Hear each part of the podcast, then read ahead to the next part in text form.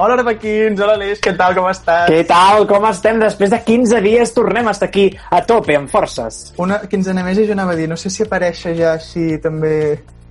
Home, aquesta mascareta, oi, jo la tinc amagada, la tinc molt guardada, Sergi.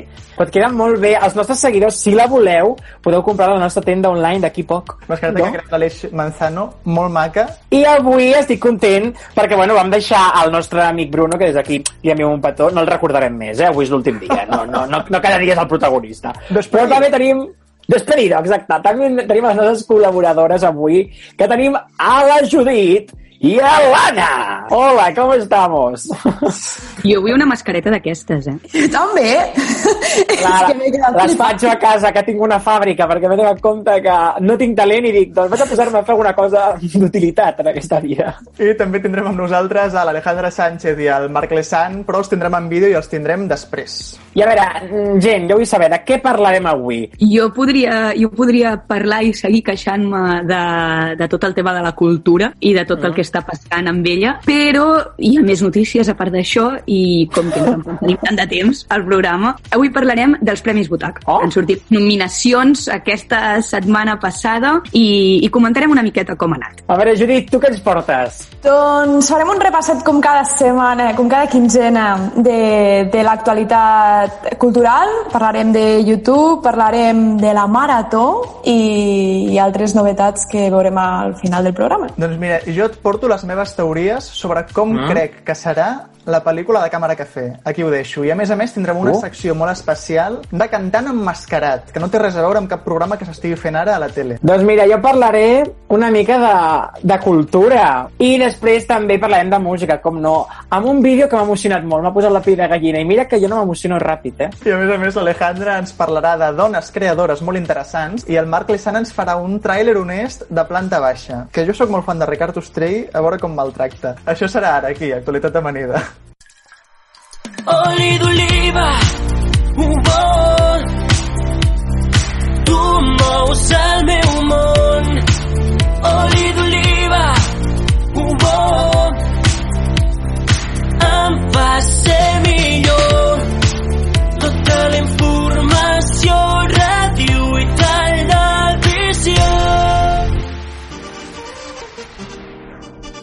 Entrem a la meva secció preferida, que era la meva secció, però ara he, de, he volgut compartir-la amb vosaltres, companyes, que és el termòmetre. Jo avui estic molt freda, vull dir, l'altra setmana estava molt calenta, però... Bueno, no sé com estava, però avui estic, avui estic molt freda. Bueno, potser ho estaves, però no, no que estaves Potser, I explicant. no ho vaig, o potser no ho vaig dir, saps? Claro. I avui me carrego a la consellera Alba Vergés, perquè avui que estem gravant el programa s'ha anunciat que es prorroga 10 dies més les mesures del tancament del cinema, dels teatres, entre d'altres, entre la restauració, i, i penso que hi ha altres maneres de fer-ho. Tot i la greu situació en la que estem, doncs podríem fer altres mesures, per exemple, doncs, com la reducció de l'aforament. Jo avui porto dos termòmetres. Porto Fusió, dos termòmetres. I un d'ells té una mica a veure amb el que deia la Judit. Comencem pel termòmetre fred, i és que fa dues setmanes, just quan nosaltres penjàvem el, el primer programa, va haver, va haver una, una petita notícia, podríem dir, de salseo uh, dins del món cultural, dins del món del teatre, que a mi em va, em va, em va molestar una miqueta. No sé si, si us sonarà el nom de Lluís Pasqual, l'antic director del Teatre Lliure, fundador mm. també Ah. d'aquest mateix, que a l'estiu, em sembla que va ser del 2018, va acabar renunciant a, a ser director, va acabar dimitint, perquè va haver molts merders al voltant de la seva figura, a partir d'un grup de gent que va començar doncs, a explicar coses eh, que havien passat al voltant d'aquesta persona. Tampoc vull fer eh, molta publicitat, perquè penso que és una persona que no mereix tampoc massa publicitat, però va haver moltes crítiques al voltant de la paraula masclista, entre d'altres, eh, abús de poder, etc. I ell en el seu moment no va voler donar eh, explicacions de res, el tema va quedar així una miqueta coix, i fa dues setmanetes va haver una entrevista a Catalunya Ràdio on Lluís Pasqual sota el titular com dona la cara finalment, va començar a parlar de tot aquest tema. Jo, sincerament, l'entrevista ni l'he escoltat ni me l'escoltaré, però van penjar un vídeo, un avançament molt interessant on eh, criticava les feministes i el feminisme dient que, que les feministes no, que no existien, que no servien per res i que tot allò era un complot contra ell i que al teatre aquestes coses no s'haurien de barrejar. Jo des d'aquí faig un crit a la política i al teatre perquè són dues coses que van totalment unides i el teatre ha de tenir sempre una vessant feminista. I ho necessitem, ho necessitem per la societat, però també ho necessitem per crear. I, seguint per la banda de la cultura, termòmetre molt calent per tota la gent que, després de totes aquestes mesures que comentàvem, ha sortit al carrer, s'ha queixat i ara mateix està sense feina, sense saber quan podrà tornar a treballar, però no perd l'esperança, perquè després de tot el drama amb els autònoms, després de totes les problemàtiques que estan tenint, segueix endavant i segueix sortint al carrer per reivindicar que la cultura és segura i que ha de ser segura per tothom, hem de poder treballar de la cultura. Doncs eh, jo vinc amb un termòmetre templat, diguéssim, un termòmetre Ui, gradols. que difícil, cada dia em doneu una temperatura diferent, ja no pot ser això. Bueno, ho faré així, vale? ja s'entén.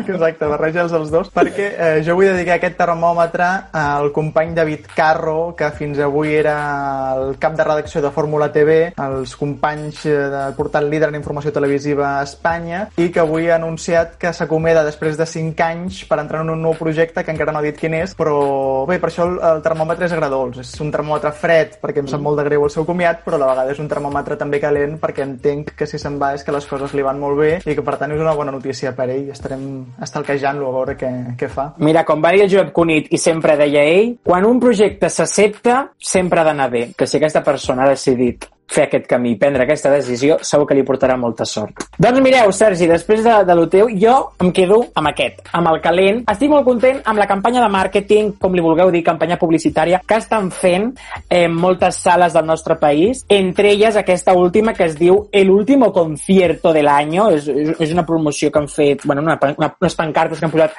a les entrades de totes les discoteques, de sales de, de ball, de llocs culturals, i on diu que possiblement et planteja aquesta pregunta de si serà l'últim concert o l'últim esdeveniment. És trist, és una situació trista, perquè podria posar ara mateix el fred, però haig de dir que estic content perquè crec que s'està donant visibilitat a la cultura, a la situació que està vivint i crec que està conscienciant a les persones que potser, possiblement abans no la consumien. Per això crec que està molt bé perquè el dia 18, a més, des del portal web de elultimoconcierto.com s'emetrà un concert en directe amb diferents actuacions on d'alguna forma servirà per conscienciar i per veure si desgraciadament moltes sales hauran de, de tancar i baixar la persiana i dir que ha sigut desgraciadament l'últim concert. Esperem que no sigui així perquè ante todo siempre hay esperanza i en el món cultural sempre estarà així que el termòmetre calent.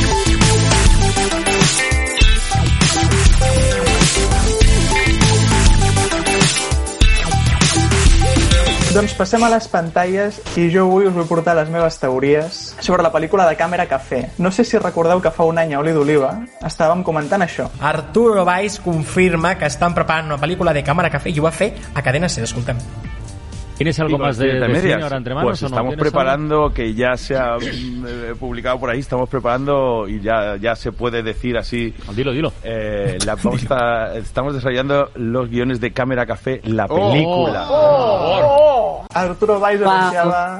A la cadena SER que estaven escrivint els guions de Càmera Café la pel·lícula i deia que l'argument seria aquest, que hi hauria un ERE a l'empresa, que això ara potser és més actual fins i tot Sí. que quan ho va anunciar, i que l'Antúnez, que el seu cap es jubilaria i aleshores aprofitarien aquestes dues circumstàncies per juntar-se. Aleshores, què va passar? Durant el confinament van veure que feien allò de Càmera Café en casa, que van penjar un vídeo al canal de YouTube de l'Àlex O'Dougherty, on bé, tots els personatges es reunien per demanar a la gent que, que no sortís de casa i tot això. A partir d'aleshores no vam tenir més notícies i jo sincerament pensava que el projecte hauria caigut, que bé, d'aquestes coses que s'anuncien i mai acaben passant. Amb tota la crisi de la Covid possiblement es va paralitzar, ja. Però, què ha passat? Aquesta setmana, el Ministeri de Cultura ha publicat una llista de les pel·lícules que subvenciona aquest any. I Càmera Café està en aquesta llista! Ole!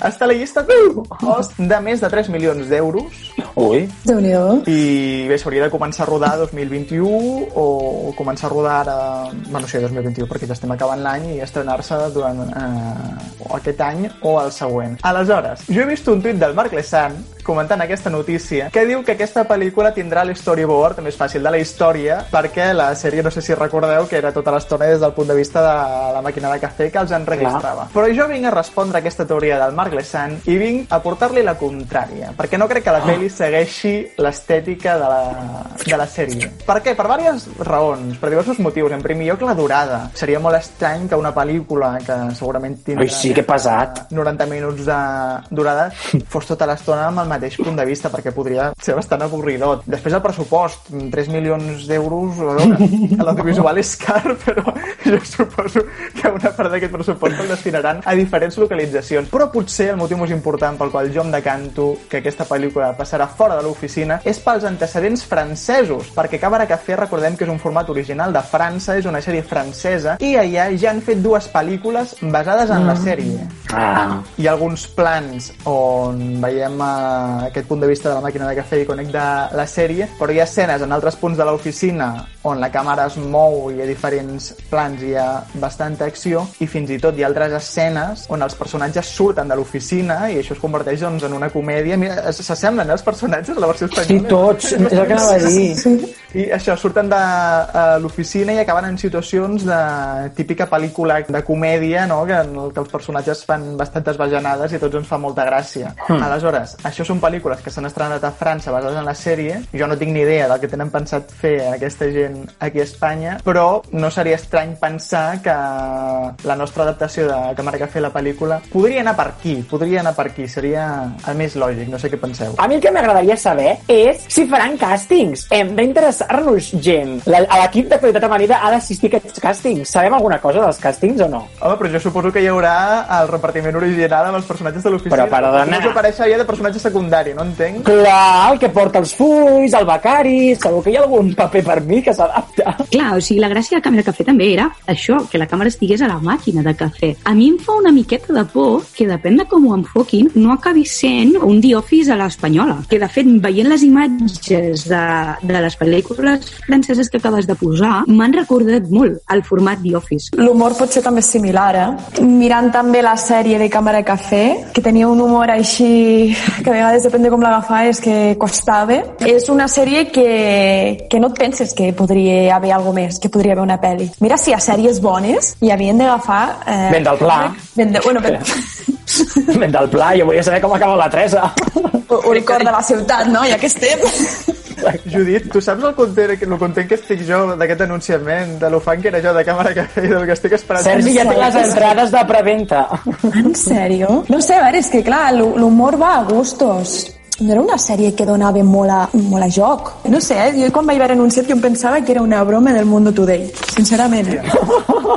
Sincerament, sí, sí, sí. Era una sèrie que m'agradava molt, però o sigui, eh, eh, és el que diu la Judit, era un humor que a mi eh, em fascinava, però no, no la veig anant més enllà, vull dir, no, no pot Ja. tenir més trama. És una pel·lícula i que duri 90 minuts, no? No ho sé. No, però aquí hem de ser molt honestos. Eh, No estem esperant aquesta pel·lícula per veure com riure. continua la trama. Estem esperant aquesta pel·lícula per nostàlgia, perquè volem saber què, què, què ha passat amb aquests personatges.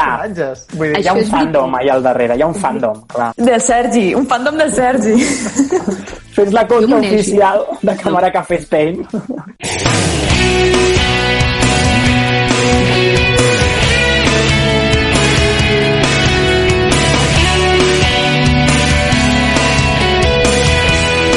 T'agrada Home, la sintonia que he escollit o no per altaveus? M'encanta, és molt la secció de Mero que tenia del Danone a- als matins de TV3. M'agrada, m'agrada molt. Estàs escarabant més que jo amb càmera cafè, eh?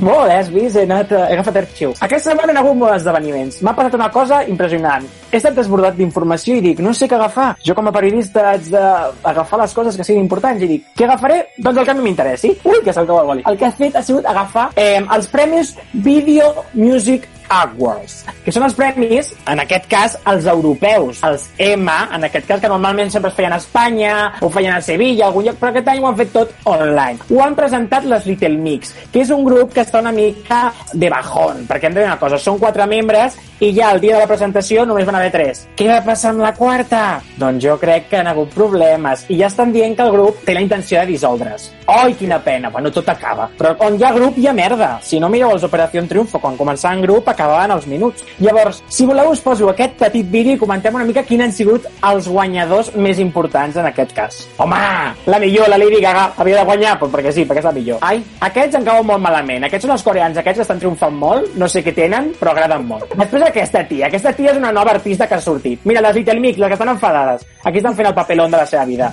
El Coldplay, que jo pensava que estaven més que morts, però no, no, mira, triomfant. La Cardi B, otra que tal baile que ens va deixar plantats al Primavera Sound perquè no va venir. Sebastián Yatra, un altre que Telita col·labora a la Marató de TV3, ens cau bé. David Guetta, doncs mireu, continua fent música, per mi com si es pot anar allà. La Carol G, otra còpia barata, no em cau gens bé, així que fora. Tusa, home, havia de guanyar en algun moment. Lady Gaga la millor, havia de sortir, també a Mariana Grande, com no. I després el Bad Bunny aquest, que el tinc una mica de mania, però va guanyar un premi. Llavors han sigut aquestes, ha sigut una mica el resum ràpid. Us heu quedat amb la idea clara, Lady Gaga guanyadora i no hi ha ningú més que la pugui superar. Així que aquesta és la informació amb la qual us havíeu de M'ha agradat molt com un anàlisi molt sincer.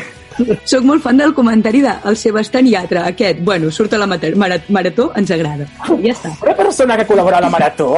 Eh, a mi em, guanya, eh? És a dir, I canta en català? I canta en català? Clar. Que és un idioma que no estan acostumats? I tant, que ho ha, i ho ha fet telemàticament, com tu les classes online, doncs ella ja gravant-ho, on, on viu a casa seva gravant-ho. Eh, un petonet, Sebastián. Ara no, en sèrio, ara en sèrio, que em poso emocional. Clar, un tema que, és clar, jo soc una persona molt bipolar, soc Géminis, ja ho sabeu, llavors vaig amb temes de pujades i baixades. Ara potser us poseu a plorar després d'aquest vídeo, perquè és el que tocaria. Deixem els premis i ens anem artistes d'aquests de tota la vida que han estat sobre els escenaris, com és el cas de la Marta González que ella era una dona que es trobava una residència de València i que aquest any van penjar un vídeo a internet commemorant els anys que feia en el qual estava, bueno, des que va morir, va morir l'any passat, va morir per, per Alzheimer i ella era ballarina de, de ballet a Nova York. Hem de dir que va ser la primera ballarina al 1967. I un grup, una associació de la residència va fer com una activitat així una mica terapèutica per demostrar que la música, els records vivencials de les persones sempre es mantenen. I en aquest cas la música, que era la seva passió, la seva vida, sempre la recordaria tot i l'Alzheimer.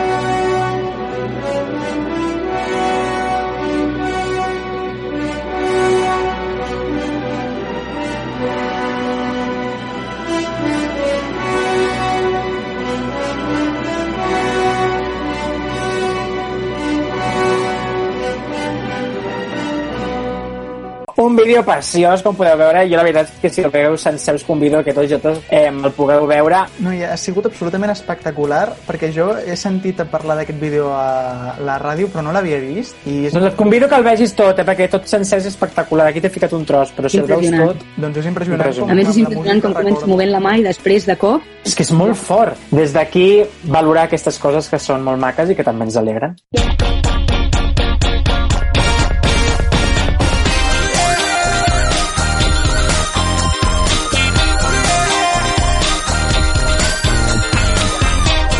No sé si sabeu que és una butaca. Jo és, és un dels moments més macos de tot l'any, un dels moments que espero amb més ganes. I és que els Premis Butaca són uns premis on els guanyadors els escull la gent que hi ha a les butaques és a dir, el públic. I això sempre fa molta il·lusió. Sempre, sempre és maco. Que tu puguis escollir qui, qui guanya, qui, qui ha estat el millor actor, qui ha estat la millor actriu, quin ha estat el millor text. I aquest any es van presentar doncs, d'una manera una miqueta més diferent. El Covid és el que té, es va fer online i, de fet, es farà també la gala online. El 15 de desembre a les 10 es farà la gala online des del Teatre de Premià, que és on van començar aquests premis, un teatre buit, però ple de gent a l'altra banda de la pantalla, que ja està bé. Hi ha coses que crec que són interessants comentar així molt ràpidament i són coses que a mi m'han sorprès una miqueta.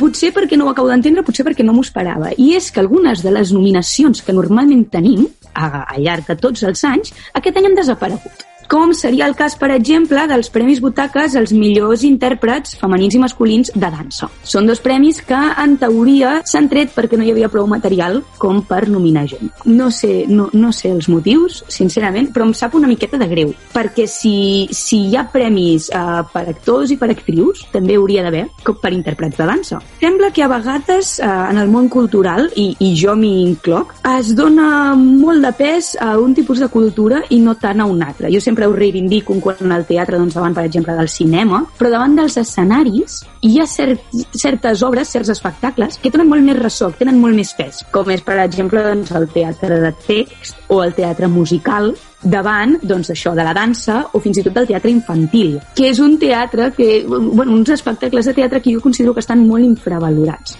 que es fan coses espectaculars, molt xules. Sap greu que en aquests premis no es valorin així. De fet, una altra cosa que volia comentar així també molt ràpid és que les tres nominacions que hi ha hagut pels Premis Butaca de, de teatre infantil, d'espectacle infantil, no crec que siguin els més adequats aquest any. I és que hi han hagut coses molt interessants i han posat d'espectacles com el del Mago Pop, que sí, que és un Ah. espectacle familiar, però familiar no vol dir infantil. Molt bé, I ai, molt bé. vegades- Moltes gràcies, Anna, per dir-ho. Sempre ho he defensat. són les companyies més infravalorades de tot el teatre. I això sap greu. Sap molt de greu perquè, i jo m'incloc, no se li dona el pes que se li ha de donar, ni la importància que se li ha de donar. I que es posi l'espectacle del Mago Pop com a espectacle infantil, a mi almenys em sap greu. No ho sé, hi han hagut molts espectacles que han rebut moltes nominacions, entre ells, per exemple, Justícia, de la qual parlàvem al programa anterior, o Jerusalem, eh, una, obra de, una obra de Julio Manrique que protagonitzava Pere Arquilloé. Perdoneu. Que estem al teatre, home. Apaguem els mòbils, home, per favor. Un senyal diví, el parlar de Jerusalem, precisament. Bueno, mire, la llamada.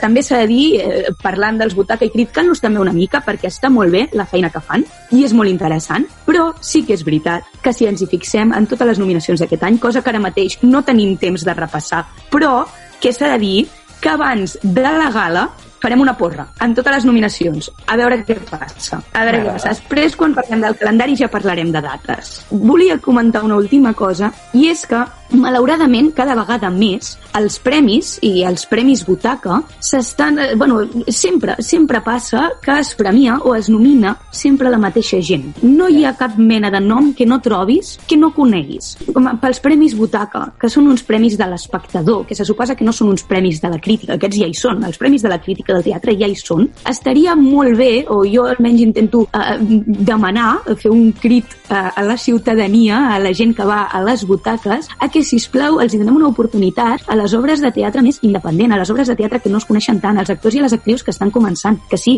que sabem que en Pere Arquilloé és molt bo, però potser no cal nominar-lo cada any o nominar les obres de teatre que es fan als grans escenaris com són el TNC a 7, a 8 o, o a nou categories. I així començar a donar pas a altres coses que són perles, que són molt petites, però que valen molt la pena. Consumim tot tipus de teatre, hi ha mil plataformes com Escena 25, on hi ha cultura a l'abast per joves, i hi ha moltes obres de teatre, sempre estan esgotades les mateixes. Doncs ara em sap molt de greu, però vaig a portar-te totalment la contrària.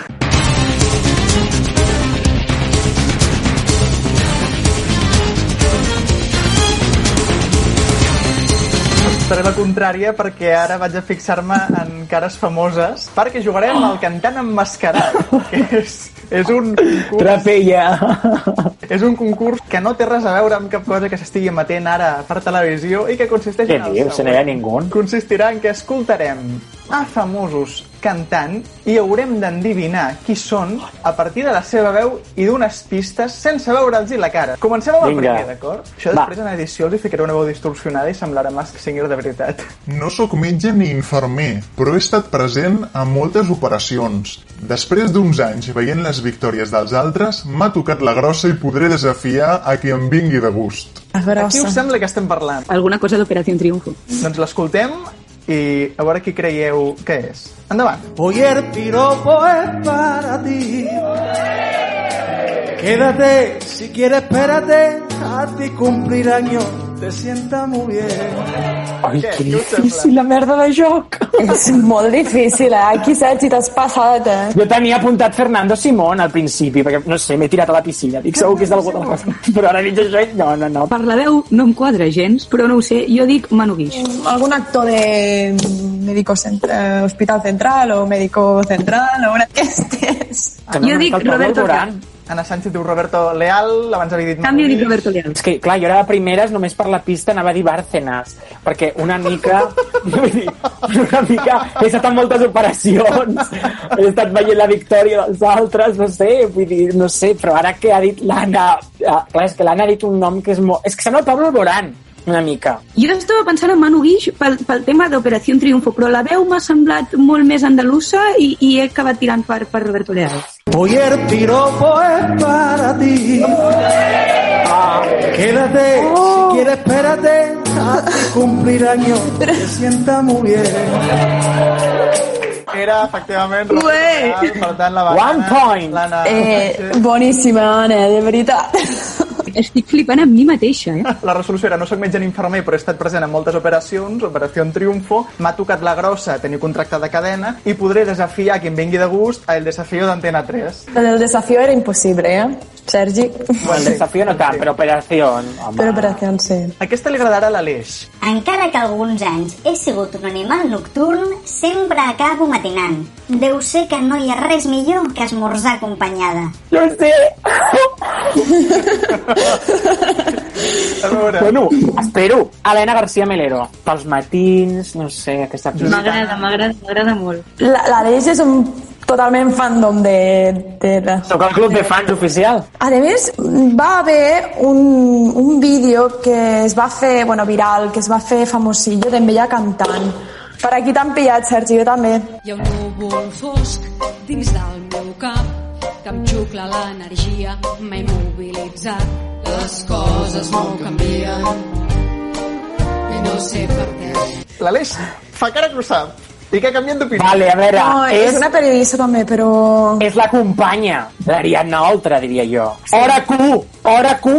Ai, hora Q de Melero, perdó, l'altre, el punt cat. Ara a Mask Singer et respondrien Ui, ui, ui, Aleix, quantes coses preguntes? Que em dóna la sensació que és un gag que haurà fet a la marató. Aquesta cançó va estar a la marató de fa molts anys, però va estar. Hi ha un núvol fosc dins del meu cap que em xucla l'energia, m'ha Però- immobilitzat.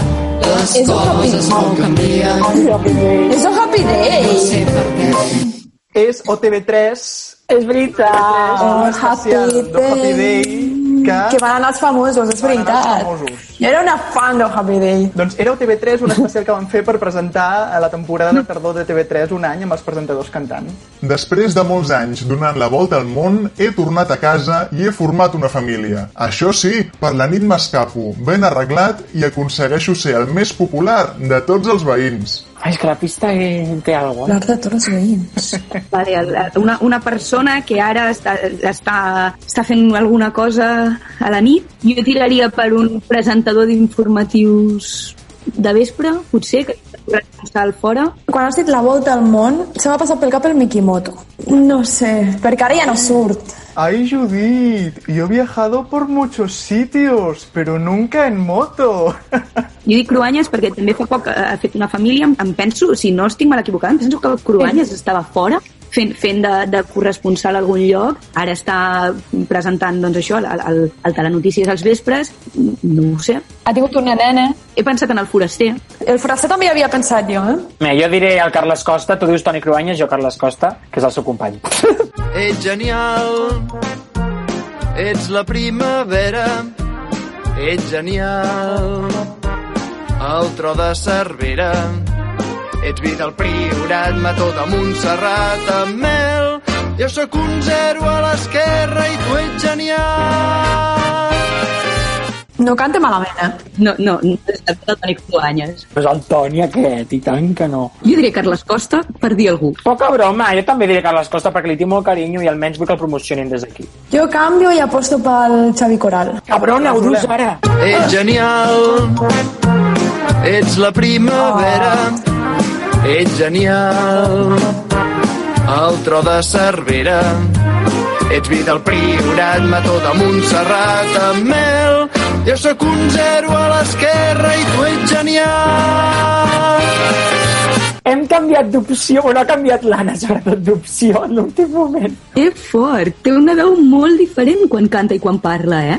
Jo, perdoneu, però jo em considero que ja tinc dos punts, eh? Següent pista, en queden dues. En aquesta l'Aleix no pot participar perquè segur que la sap. Molta gent recomana no consumir-me per ser poc saludable, però la veritat és que sempre estic envoltat de fruites. Espero salvar-me de les vostres crítiques. Jo no, no, no tinc a ningú al cap, però o sigui, suposo... No, és que anava a dir Aleix Manzano, perquè, clar, el cognom està envoltat de fruites. No sé. Jo canta! No. No ho sé, però com que ha dit, com que, ha dit que tu no podies participar, Ah. jo dic Aleix Manzano. No el veig sempre envoltat de fruites, bueno, no sé. No, perquè es diu Manzano. Ah, ah, que mona. Rateta, que mona, diu, no em veig envoltat de fruita. Jo sempre dic que cada, cada matí prenc un plàtan. Veus? Fas bé. Jo també, molt bé. Veus? Va molt bé pel potase. Anem a dir és Macedònia. No mos quedarem sense dir res.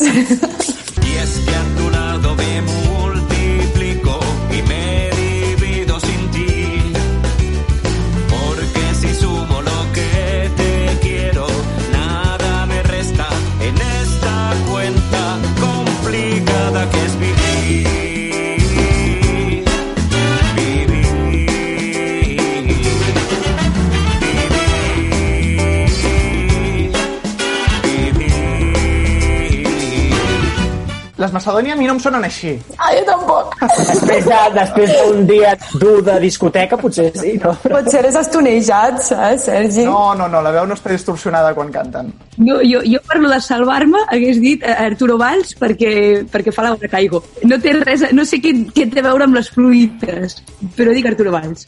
Y es que a tu lado me multiplico y me divido sin ti. Porque si sumo lo que te quiero, nada me resta en esta cuenta complicada que es vivir.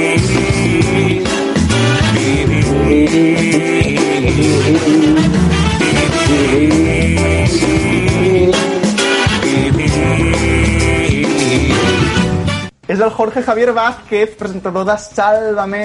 Però saps què passa? Que quan el veus cantar dius, buah, és ell, clar, és que és ell. Però clar, vull dir que pot ser qualsevol. És que el Sergi ja el vam conèixer. Vam anar Tenim una foto! A un meet and greet amb ell. Meet and greet de l'obra de teatre on canta això. Exacte. Que a mi m'agrada molt, per cert. Jo no miro aquests programes i jo no sé ni qui surt aquí. Llavors no sabia ni que hi havia un Sálvame Naranja i un Sálvame Limón. Però és que és actor, el Jorge Javier Vázquez. Sí. Anna, a veure si guanya un premi butaca i no ens entenem. No sóc genial ni millennial, però m'he fet popular a Instagram. Duc el mateix pentinat que el personatge de loteries, però jo no reparteixo sort. Com a molt, puc dir-te el futur. Genial entenc que ve de Mutzeta. De generació Sí. Z. La nostra, O sigui, la nostra generació. No té res a veure amb Mut, Z. Vale. No, bueno, que compartim generació. Potser més coses. Una, llavors, entenc que és una persona gran, que no és una persona jove. Ahà. Entenc que el seu cabell és com el de les loteries. Entenc que és com el de la grossa. Qui és el futur a Instagram? Qui, qui, jo, jo no conec in- influencers. Ai, no ho sé, estic molt perdut amb aquest també. Ja sé qui és, Tomàs Molina. Claro, perquè s'ha fet pocs d'Instagram, ara cai. Les loteries, no sé, o sigui, el cabell de les loteries suposo que és perquè quan tens un d'això en plan li fas així un calvo, no ho sé, i et diu el futur perquè et diu el temps. Perquè és meteoròleg. Buah, ets una crac, Anna. Ja, Anna, tio, que t'agafin amb, amb altres No us- programes. No us ho havia dit, no us ho havia dit, però quan em van, em van anar a escollir per, per un programa, del qual no diré el nom, vaig dir que no, perquè hi ha molt difusiva. Escoltem a veure si l'Anna també llegeix el futur o no. Faré ximpleries, escriuré poesia, sortiré al balcó. Ballaré al sofà cantant, potser caurà algun entrebanc, però tu estaràs No és. com jo. Voldrem un lloc segur per mi, per a tu, amics, família i la bona gent. Però fem-nos un petit favor, un gran favor, quedem-nos tots a casa. Al principi jo pensava que sí, que podia ser Tomàs... Sembla, sembla el Joan Dausà una mica. No, no, no, no, no. no Perdó, no, que tinc la fan aquí. no, gens. Jo segueixo amb Tomàs Molina. Sí, jo també, crec que és el Tomàs Molina, només que no el veiem la cara i llavors no ens ho creiem. Jo diria que no, eh? Esta veu no la té el Tomàs Molina. És que, a més, el Tomàs Molina ha cantat algun cop, també, amb els mateixos vídeos per l'estil de la Marató i de tal, però... Però no haguessis agafat a... aquest, saps? Haguessis agafat aquell. És que se me fa molt difícil. Sí. Ah! No pot ser. No. Faré ximpleries, escriuré poesia, sortiré al balcó. Ballaré al sofà cantant, potser caurà algun entrebanc, però tu estaràs com jo.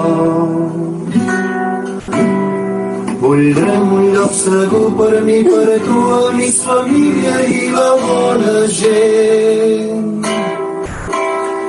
Però fem-nos un petit favor, un gran favor, quedem-nos tots a casa. Uh, ole, Gerte.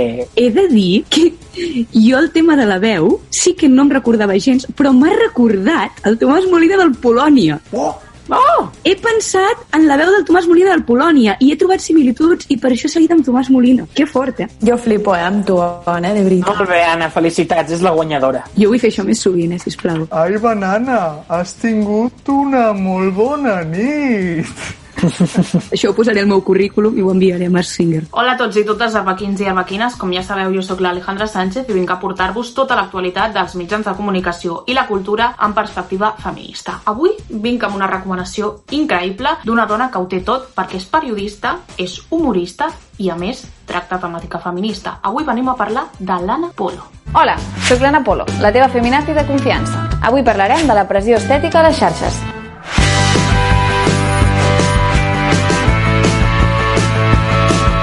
El que acabeu de veure és la intro de Feminístic, una secció que fa l'Anna Polo a Fibracat, que és una televisió dedicada a la divulgació de dones i tecnologia. En aquesta secció setmanal el que fa l'Anna doncs, és parlar de diferents temes relacionats amb la tecnologia, com ja poden ser, per exemple, l'assetjament a través de les xarxes, els cànons estètics que ens imposen, per exemple, a través dels filtres d'Instagram, també perquè totes les assistents de veu, o la majoria, són dones. Quines posicions ocupen les dones dintre del món de la tecnologia? Tots aquests temes i molts més els parla amb molt sentit de l'humor i amb molta perspectiva de gènere.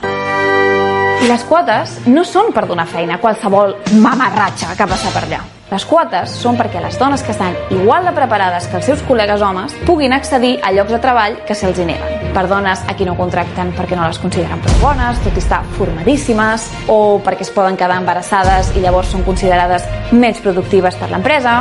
Així que marxant una de quotes, marxant una de quotes. Com heu vist, meravellosa Anna Polo amb aquest sentit de l'humor tan particular que té, que no només et fa riure, sinó que també et fa aprendre sobre dones i tecnologia. I encara, abans d'acabar, us vull fer una recomanació més, en aquest cas és un podcast que es diu Oye Polo. Benvingudes al primer episodi del podcast Oye Polo a Ràdio Primavera Sound. Jo sóc l'Anna Polo. I jo sóc la Maria Rovira, però em faig dir Oye Sherman perquè Maria Rovira és tirant a sosso i està agafat molts cops. Suposo que, com us haureu imaginat, Oye Polo es deu a les dues integrants d'aquest podcast, la Oye Sherman i l'Anna Polo, que fan aquest programa a Ràdio Primavera Sound. I és un programa, és un podcast que jo no sabia descriure molt bé de què va. Simplement són dues amigues que parlen de la vida, parlen des de la recepta del gazpacho fins a les colònies de rosa dels vents a les que anaven quan eren petites. Parlen d'Operació Triunfo 1 de la primera edició. Parlen de que les seves mares no reconeixen les seves veus. I és el típic podcast de mood dissabte al matí quan estàs recollint l'habitació, recollint la casa i realment no vols fer-ho, doncs et poses els cascos, escoltes Oye Polo i et canvia l'humor, de veritat et poses més contenta, per això us el recomano molt a tots vosaltres, albaquins i albaquines, als meus companys i companyes. I res, amb aquestes dues recomanacions acabo l'oliva feminista d'avui sense deixar-me de dir que adoro l'Anna Polo i que, Anna, si estàs veient això, que sàpigues que t'admiro moltíssim. Un petonàs i fins a la propera quinzena. Trailers honestos.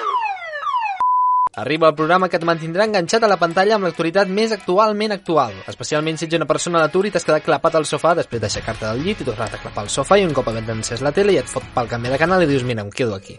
Fucking... Planta Baixa, el magazín d'actualitat de TV3 presentat per Ricard Ostrell almenys 3 o 4 dies a la setmana. Realment ve el petó quan, quan li ve de gust, fa com el quatre gats. Tots els temes i tots els debats amb els millors tertulians. Notareu que la graella, la nostra franja horària, està farcida de programes amb el mateix format, però nosaltres som millors perquè tenim càmeres que desenfoquen el fons i la veritat és que queda molt més guapo. Planta Baixa, un magazín en català, excepto si no s'hablen en castellano. També amb la noia aquella, el noi aquell, el paio de les ulleres, el de l'APM i el DJ. 3 hores sentat, tranquil·lament, al seu seient i al final parlant durant uns 20 segons. Us heu fixat que no es mou mai del seu seient? És perquè viu allà. El set no està fet perquè s'assembli una casa, no, no, no, allò és casa seva. Ell viu allà. Ell mai surt d'allà. Ell sempre observa. Planta baixa, de dilluns a divendres a les 11 del matí a TV3. Eh, Necessitem l'audiència perquè encara estem pagant interessos a IKEA pel set. Ten tenim un deute. Aquest ha sigut el trailer honest del Marc Lezama. Molt bé, un crac. Boníssim. Impressionant, molt bé, molt bé, molt bé. M'ha ferit moltíssim perquè jo sóc molt fan del Ricard Ostrell, sóc molt fan de tot l'equip de planta baixa i diria que també tinc algun llibre del Víctor Amela. Ho sento, però també em cau molt bé. Bueno, han entrat tots en el pack, eh? Sí, sí, sí. Absolutament.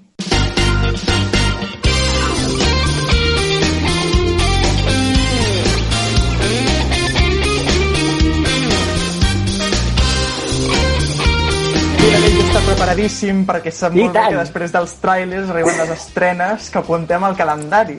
El calendari! Arba, aquí un calendari sagrat! Com el calendari d'Advent, doncs el nostre és aquest. Doncs mira, jo us porto una recomanació i també parlarem de les dates que, com ja he dit abans, eh, es mouen al voltant del tema dels Premis Butaca. Els Premis Butaca, com ja he dit, són uns premis on vosaltres, els espectadors i les espectadores, podeu votar. Aquestes votacions, si entreu a la web dels Premis Butaca, estan obertes fins al 9 de desembre a les 11 de la nit. I Ah, només necessiteu el vostre nom i el vostre DNI. I votar. I ja està. I quan serà la gala dels Premis Butaca? Que això no ho Important. votat. Quan serà? Doncs serà el 15 de desembre. En molt pocs dies de, de que acabin aquestes votacions, el 15 de desembre a les 10 de la nit podrem veure online els Premis Butaca. I una altra cosa, una coseta molt important, i és que a Barcelona estan fent una cosa molt interessant. El que es diu DAU, el Festival DAU, és el Festival del Joc. Dura tot el novembre i jo ho he vist avui per Twitter i m'ha semblat molt interessant. Aquest cap de setmana, de fet, fan jocs, em sembla que online, o sigui, que entreu a la web i mireu perquè fan coses tots els dies, però sobretot aquest cap de setmana. I moltes d'elles online. Jo porto un periodista, un creador de contingut, que molts han descobert ara per la seva cobertura de les eleccions dels Estats Units, que és l'Emilio Domènech, que també es diu Naníssimo. No el deixeu de seguir perquè val molt la pena. El tio mm, coneix molt bé el tema de l'actualitat nord-americana, el parla també de la cultura, de Hollywood, i val molt la pena seguir a la seva newsletter i les habituals eh, connexions en directe que fa al Twitch. Doncs mira, jo us recomano el Festival Zoom, que és el Festival Internacional de Continguts Audiovisuals de Catalunya. Això se celebrarà a partir del 24 fins al 29 de novembre entre Igualada i Barcelona. Jo crec que acabarà sent online, perquè tal com estan les coses pinta xungo. I això és un festival de formats que trobem a la tele i en noves pantalles que es fan eh, aquí a Catalunya. Hi ha diferents eh, sessions amb conferències, amb entrega de premis, tallers... Molt interessant per tots els que ens interessa aquest món. Hi haurà la premiere d'un documental sobre Tito Vilanova, hi haurà una entrega de premis a Jordi Évole i moltes cosetes molt, molt, molt interessants per seguir. Zoom Festival a Igualada i Barcelona. I en el meu cas, jo mira, vull que us apunteu una sèrie de 3 Player Premium Home! que s'ha estrenat amb aquest confinament, molta gent ha estat utilitzant les xarxes socials, entre elles l'actriu Anna Milan, que va estar explicant les seves anècdotes i això va convertir-se doncs, en trending topic, va agradar molt i la gent va dir, queremos más, queremos más. Què passa? Que Antena 3 ha dit, home, tot el que sigui fer diners, cap aquí. Vinga, Anna, anem a fer una sèrie on expliqui les teves vivències explicades durant aquest confinament de les teves aventures com a llarg, la trajectòria d'actriu, les anem a portar a la pantalla en aquest cas a 3 Player Premium, 8 capítols, es va estrenar el primer el diumenge passat, si no m'equivoco, s'ha presentat aquesta setmana la sèrie i pinta molt bé, així que tots i totes, si teniu una estona, 8 capítols, mitja horeta, no duren molt, així que a veure les aventures d'Anna Milan, que sembla que agrada i molt. Això també et demostra que de totes les coses del confinament i de la Covid sempre hi ha algú que es beneficia. Com és aquella expressió? Vaig quedar fatal ara. No hay mal que venga que por bien no venga, o una cosa així, no? No hay mal que por bien no venga. Pues això, això volia dir.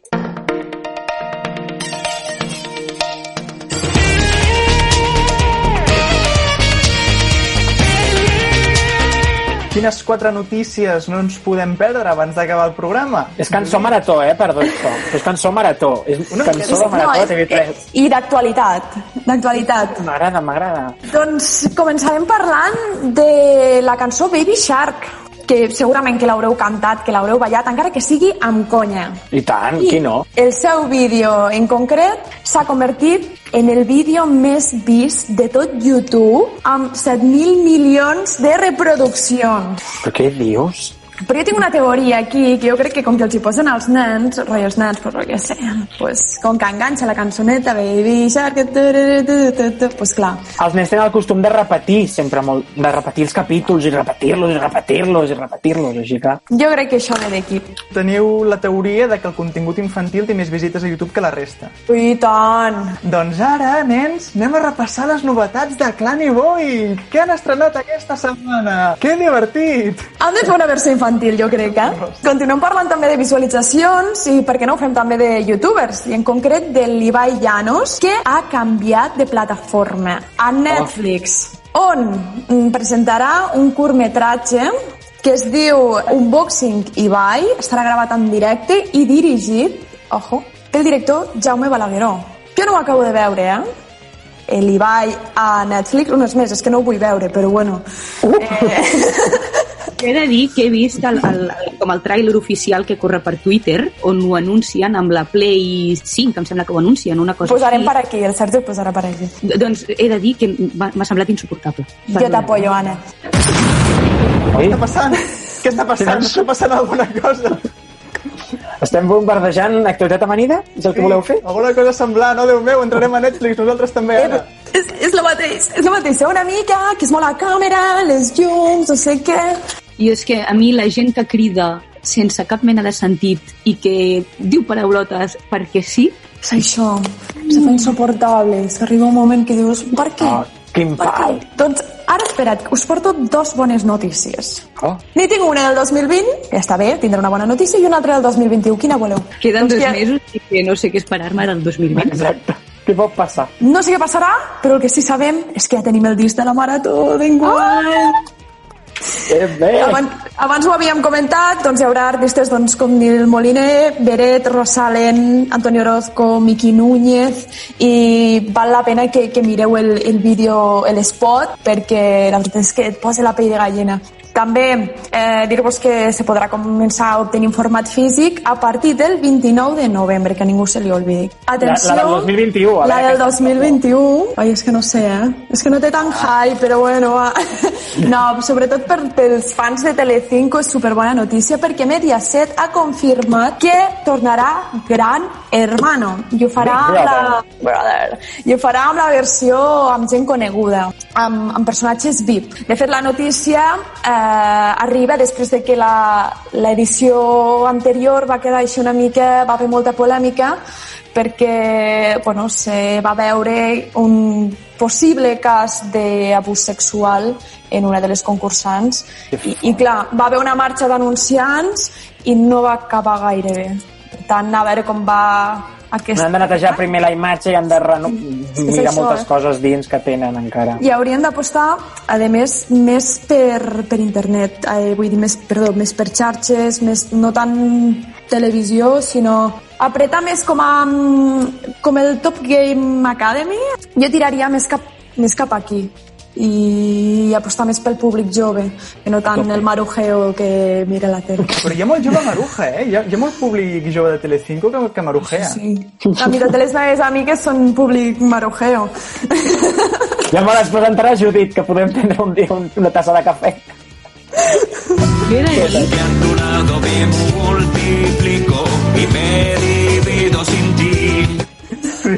He de dir que per mi és una mala notícia, molt mala notícia, que torni aquest format i més després de tot el que va passar, després de que encobrissin un abús, després de que hi hagués tot aquell merder que el volguessin tapar com si allà no hagués passat res, bé, i, i després de tot el que suposa aquest programa. A mi em sap molt de greu, Aleix, però jo no, no puc donar suport a això.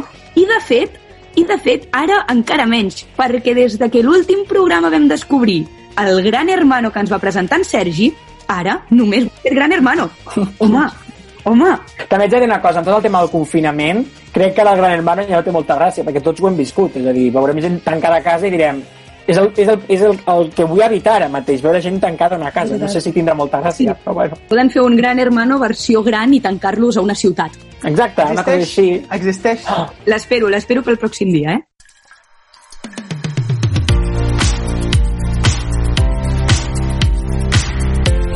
Doncs seguiu-nos també a xarxes arroba oli d'oliva mèdia, on molt aviat començarem penjant claus diàries per les notícies que no ens podem perdre cada dia.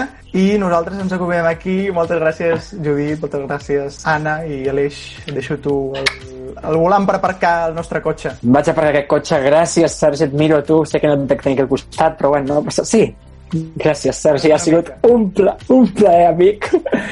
I fins al pròxim, que sigueu feliços amb aquests 15 dies que ens queden de...